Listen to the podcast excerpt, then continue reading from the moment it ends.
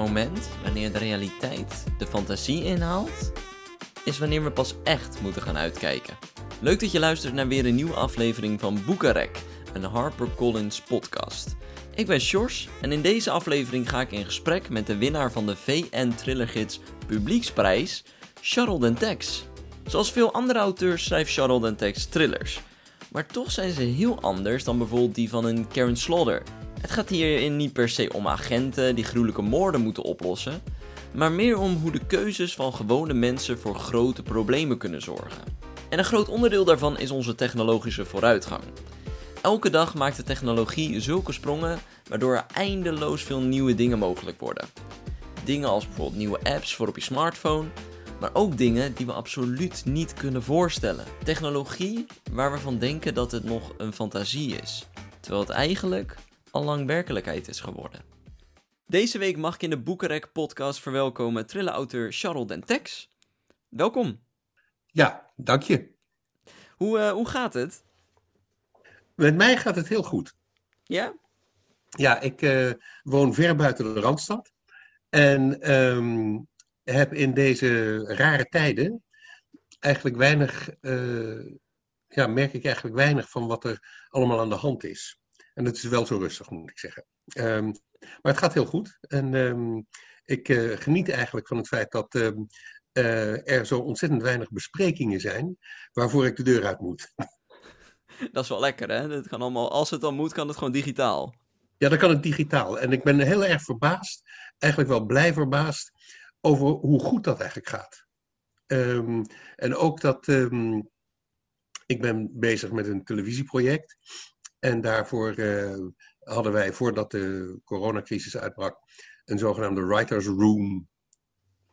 Ja, en ja. dat wil zeggen dat je dan met de hele groep drie dagen bij elkaar gaat zitten om uh, drie dagen lang te brainstormen en te schrijven, et cetera, et cetera. Nou, dat kon niet meer. En dat hebben we nu niet drie dagen achter elkaar, maar steeds opgehakt in stukjes via Zoom-achtige dingen gedaan. En ik was daar eerst heel uh, sceptisch over, maar het ging, ja, ik vond het uh, wonderbaarlijk goed gaan. En wat, wat is het dan voor jouzelf wat, wat het dan zo fijn maakt? Is dat dat je dan in je eigen omgeving zit? Nee, het is eigenlijk dat, er, dat er, um, je komt veel sneller ter zake omdat, uh, nou ja, voor mij, ik hoef dan niet eerst anderhalf uur in een auto te zitten of twee uur in een trein.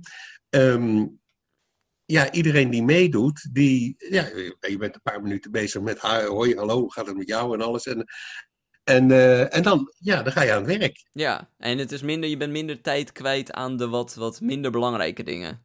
Ja. Ja, het is gewoon wat efficiënter werken. Ja, vind ik wel, ja. En los, los van het zakelijke, hoe beleef jij dan deze? Want je zei van, nou, ik, ik woon ver buiten de Randstad, dus het is me allemaal, gaat allemaal een beetje aan me voorbij. Maar merk je wel iets aan die quarantainetijd? Als ik naar de supermarkt ga. Maar um, kijk, ik woon in het buitengebied.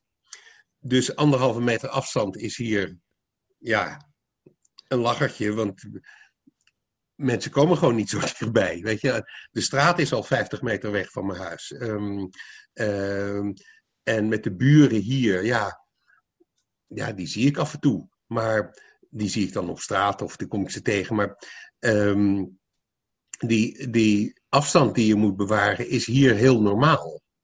Alleen, ja, in de supermarkt is het af en toe wat drukker. Maar uh, ja, die eerste week, toen merk je het. Want toen uh, was iedereen hier net zoals ergens anders. Ging iedereen hamsteren en zo. En dan was het achterlijk druk in de supermarkt. Maar na een week had iedereen in de gaten van... oh, wacht even, het, uh, uh, het gaat eigenlijk heel goed. Dus nee. Niet heel anders dan normaal. Ja, ja. Ja. En vind je het persoonlijk... Oh, sorry. Als ik weer naar de Randstad moet. Oh, ja? Dan krijg ik waarschijnlijk een shock. Van al die mensen. Al die mensen. Nee, ik, ben ook, ik, ging, ik deed eigenlijk alles met de trein.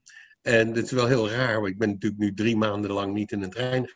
Uh, en dat gaat nog wel een paar maanden duren, denk ik, voordat ik weer in een trein zit. Dat vind ik wel heel raar. Ja, ja dat, dat is herkenbaar. Maar heb je dan ook wel dat je voor jezelf denkt van, nou, ik, ik mis bepaalde dingen wel die ik eerst moest doen, zoals bijvoorbeeld de drukte of de mensen? Of heb je zoiets van, nou, ik zit hier ook wel gewoon lekker, ik ben gewoon waar ik, waar ik moet zijn. Ik hoef, al die reistijd heb ik niet en ik kan gewoon mijn dag ook een beetje anders indelen. Ik ben niet voor niets in het buitengebied gaan wonen. Ik ben hier niet gaan wonen omdat ik de drukte en, hoeveel, en veel mensen om me heen wil. Ik ben juist hier gaan wonen omdat ik dat niet wil. En ja, dat is, uh, dat is gelukt, kun je zeggen. Um, uh, maar daarom mis ik het ook niet nu. Nee, dus het leven is eigenlijk gewoon hoe je het altijd al hebt en hoe je het eigenlijk het liefste hebt, zo is het nu ook. Ja, ik woon hier nog niet. Ik woon hier nu een jaar of vier.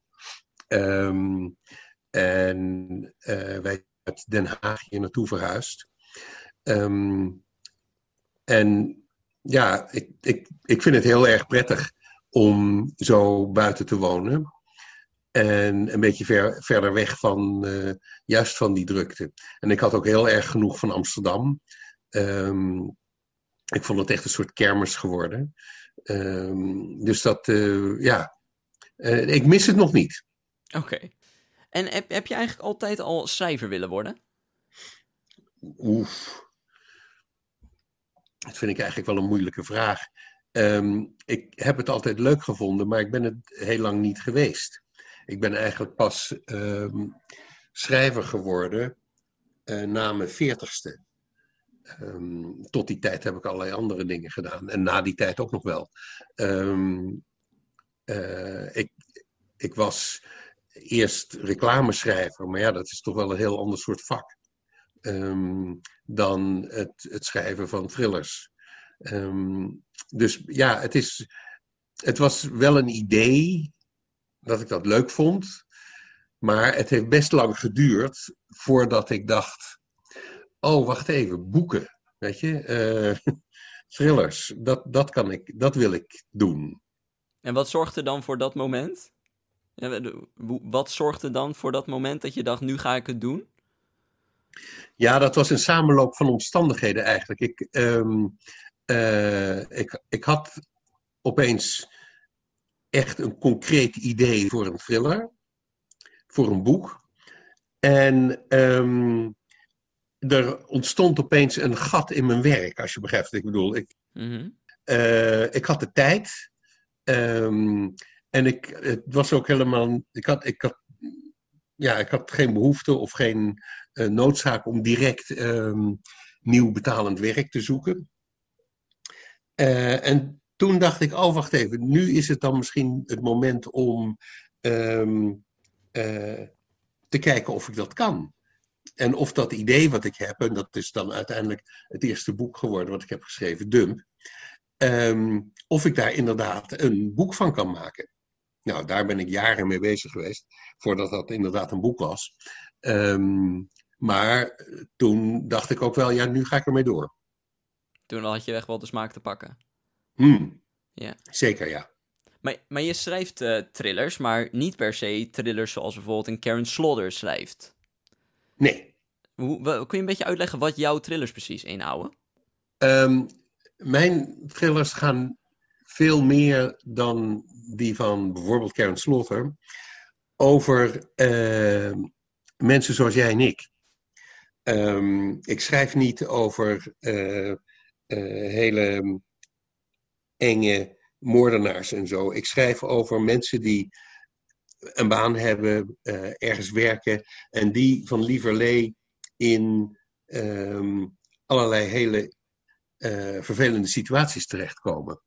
En daardoor een opeenstapeling van al dan niet verkeerde beslissingen steeds verder in terechtkomen. En dat is in feite bij Verloren Vrouw ook zo, behalve dat um, een van de hoofdpersonen, uh, Luc Boman, um, niet zo'n heel erg gebruikelijk baantje heeft. Namelijk, hij is oplichter. Um, maar verder is hij wel enorm normaal. Het is, het, is geen psychopaat, het is geen rare, gewelddadige figuur. Het is gewoon een hele normale meneer die in Scheveningen woont. Maar ja, hij ligt mensen op. Um, ja. uh, en hij komt ook in zijn eigenlijk normale leven weer in een situatie terecht waarin hij de ene beslissing naar de andere neemt die hem steeds verder in de, in de problemen uh, sleuren.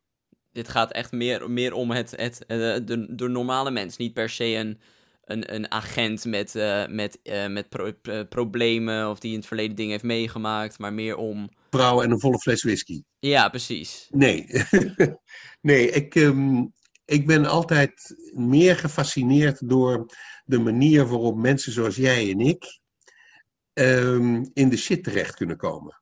Uh, en wat je, dan, wat je dan gaat doen.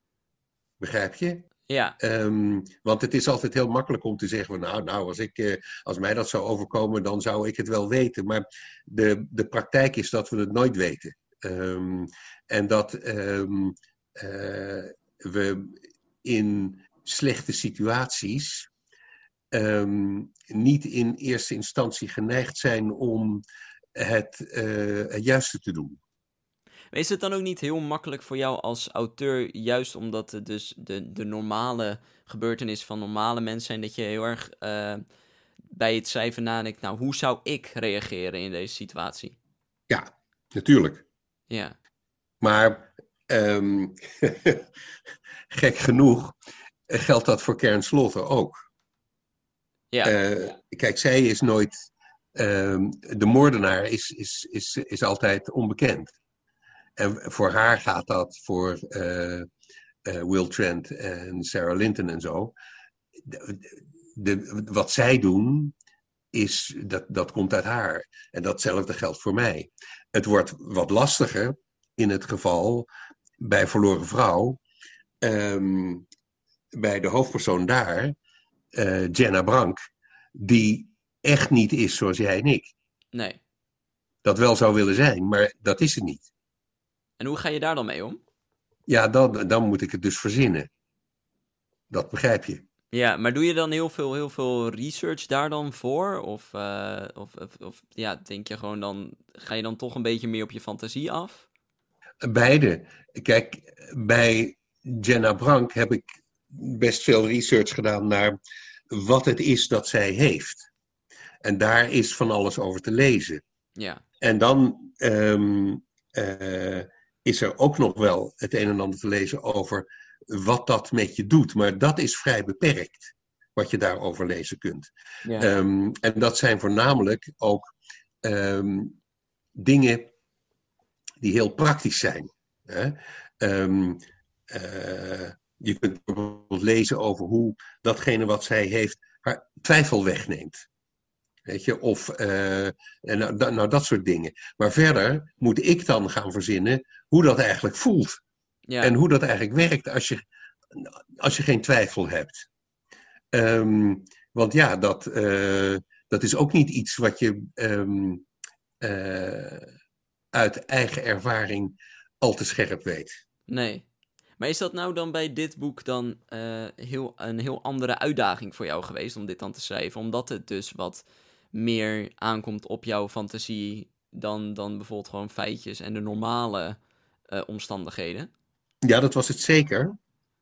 Want um, ik moest echt mijn best doen om haar geloofwaardig te houden. Begrijp je? Ja, ja. Het, is, het, het was heel. Uh, het gevaar was heel groot dat ik zou ontsporen in allerlei technologische mumbo-jumbo. Waarvan de lezer en ik zelf ook denk van ja, ja, ja, waar gaat dit nou eigenlijk over? Hm? Ja. Um, ik moest de hele tijd op zoek naar een balans tussen ja, zij is echt anders en oh nee, maar ik geloof het wel. Begrijp je? Uh, en ja, dat is, dat is, kijk, bij de andere hoofdpersoon, die oplichter, ja, daar heb ik veel minder problemen. Weet je, want een oplichter, dat kan ik me wel voorstellen. Ja, dat ja. is, uh, ja, uh, dat is veel minder moeilijk. Is, is dat ook iets waar jij veel mee bezig bent met van hoe gaan we, uh, hoe, hoe, hoe ontwikkel, ontwikkelen we ons? Hoe ontwikkelt technologie zich? Dat laatste zeker, Daar, dat, dat vind ik heel interessant. De ontwikkeling van de technologie gaat zo ongelooflijk hard dat wij het merendeel van de tijd um, het niet bij kunnen houden. Elke keer als ik denk, uh, nou ik ben weer een beetje bij, dan blijkt dat ik nog veel verder achterloop dan ik al dacht. Ehm, dat is één ding. Het, maar, maar het andere is eh, een, een beetje een misverstand. Ehm, het speelt niet in de toekomst. Alles wat er gebeurt in dat boek, dat kan al. En in sommige gevallen gebeurt het al. Ehm, alleen het enige wat ik heb gedaan is het een bepaalde toepassing gegeven. Die technologie heb ik een bepaalde toepassing gegeven. Maar alles wat erin beschreven staat, kan al. Dus het, het kan wel, alleen het is misschien nog niet toegepast. Nou, dat is de onzekerheid. Mijn ervaring is dat als ik dan bedenk hoe het toegepast kan worden, dat dat dan later blijkt dat het al zo is. En dat heb ik nou al meerdere malen meegemaakt. Dus eh, het zou mij niet verbazen als we over een paar jaar erachter komen dat, dat het inderdaad al gebeurt. En wat zijn dan de reacties als je dan vertelt van ja, dit is er eigenlijk al. Dit is niet per se iets verzonnen of een toekomstbeeld. Dit is gewoon realiteit. Ja, uh, dan kijken mensen een beetje glazig aan en zo. dat, uh, dat, daar kunnen ze zich toch niet echt iets bij voorstellen. Ik heb eh, contact gehad met mensen die vergelijkbare therapieën hebben gehad in, bij depressies. En die zeggen, ja, dat, het resultaat daarvan is gewoon fantastisch. Weet je, er zijn, er zijn mensen die vergelijkbare uh, therapieën krijgen die Parkinson hebben. En die zeggen, ja, uh, weet je, het resultaat is dat ik weer kan piano spelen. Weet je, wat niet meer kon. Um, dus het heeft echt hele mooie kanten. En er zijn mensen die het ook al gewoon weten, uit eigen ervaring. Maar mensen die er niks mee te maken hebben, die denken, ja, waar heb je het over? Ja, die denken het is een, een toekomstbeeldje. Die denken, ja, en die kunnen zich er ook weinig bij voorstellen. Ja. En hoe, hoe kijk je, je zei net al, je, je bent nu aan het schrijven. Ga je dan ook, um, als je weer zo'n verhaal zoals Verloren Vrouw wil schrijven, wat met die technologische ontwikkeling te maken heeft, ga je dan ook echt weer uh, research doen en dan uh, als je bijvoorbeeld een, een leuk iets ziet wat je denkt, nou, dat, dat is zich nu aan het ontwikkelen, denk je dan van, nou, dat gebruik ik als inspiratie voor mijn volgende boek? Bij Verloren Vrouw was het ene deel van het verhaal ging over die oplichter. Nou, dat is iets wat ik hoorde. Maar het, het deel over die technologie, dat kwam door een artikeltje dat ik las in een krant. Um, en daarop ben ik door gaan zoeken. En toen las ik het verhaal van een Amerikaanse journaliste. die bij het Amerikaanse leger een scherpschutterstraining heeft gedaan. met behulp van die technologie waar wij de hele tijd omheen praten. Um, en die totaal verbijsterd thuiskwam over het effect daarvan. En toen ik dat las, was ik bijna net zo verbijsterd. En ben ik er meer van over gaan lezen. Maar het idee kwam uit een bericht, wat ik, wat ik las. Het idee van de identiteitsdiefstal van Stel kwam uit een bericht. Ja. Um, en zo zijn er wel meer dingen die um, uit het nieuws komen. En soms zijn er dingen die ik gewoon helemaal zelf bedenk. Um, uh, maar uh, het is altijd een wisselwerking. Nou ja, we zitten er nu natuurlijk een beetje uh, cryptisch omheen te praten over wat nou die technologie is in, in Verloren Vrouw. Maar ja, dan wil ik iedereen die nu een beetje geïnteresseerd is, gewoon aansporen om Verloren Vrouw te gewoon gaan, gaan lezen. Want dan kom je erachter. Nou, Charlotte Tex, ik wil je heel erg bedanken voor jouw tijd in deze podcast. Nou. Dankjewel. Ja, jij bedankt. Het is dus afwachten welke volgende technologische vooruitgang de inspiratie zal bieden voor een nieuw boek. Maar tot die tijd is het nieuwe boek Verloren Vrouw van Charlotte Tex verkrijgbaar in alle on- en offline boekhandels en natuurlijk via harpercollins.nl. En daarmee zijn we alweer aan het einde gekomen van deze aflevering van Boekenrek, een HarperCollins podcast. Heb jij nou een auteur waarvan je denkt, die wil ik een keer in deze podcast horen? Laat ons dan weten door een mail te sturen naar info@harpercollins.nl onder vermelding van Boekenrek. En wie weet spreek ik binnenkort de door jou gekozen auteur. Tot die tijd kun je al onze andere gesprekken met auteurs terugluisteren via Apple Podcast, Spotify, Stitcher en alle andere podcast apps. Voor nu wens ik je nog een fijne dag. Blijf thuis, blijf gezond en blijf vooral lekker lezen. Tot de volgende keer.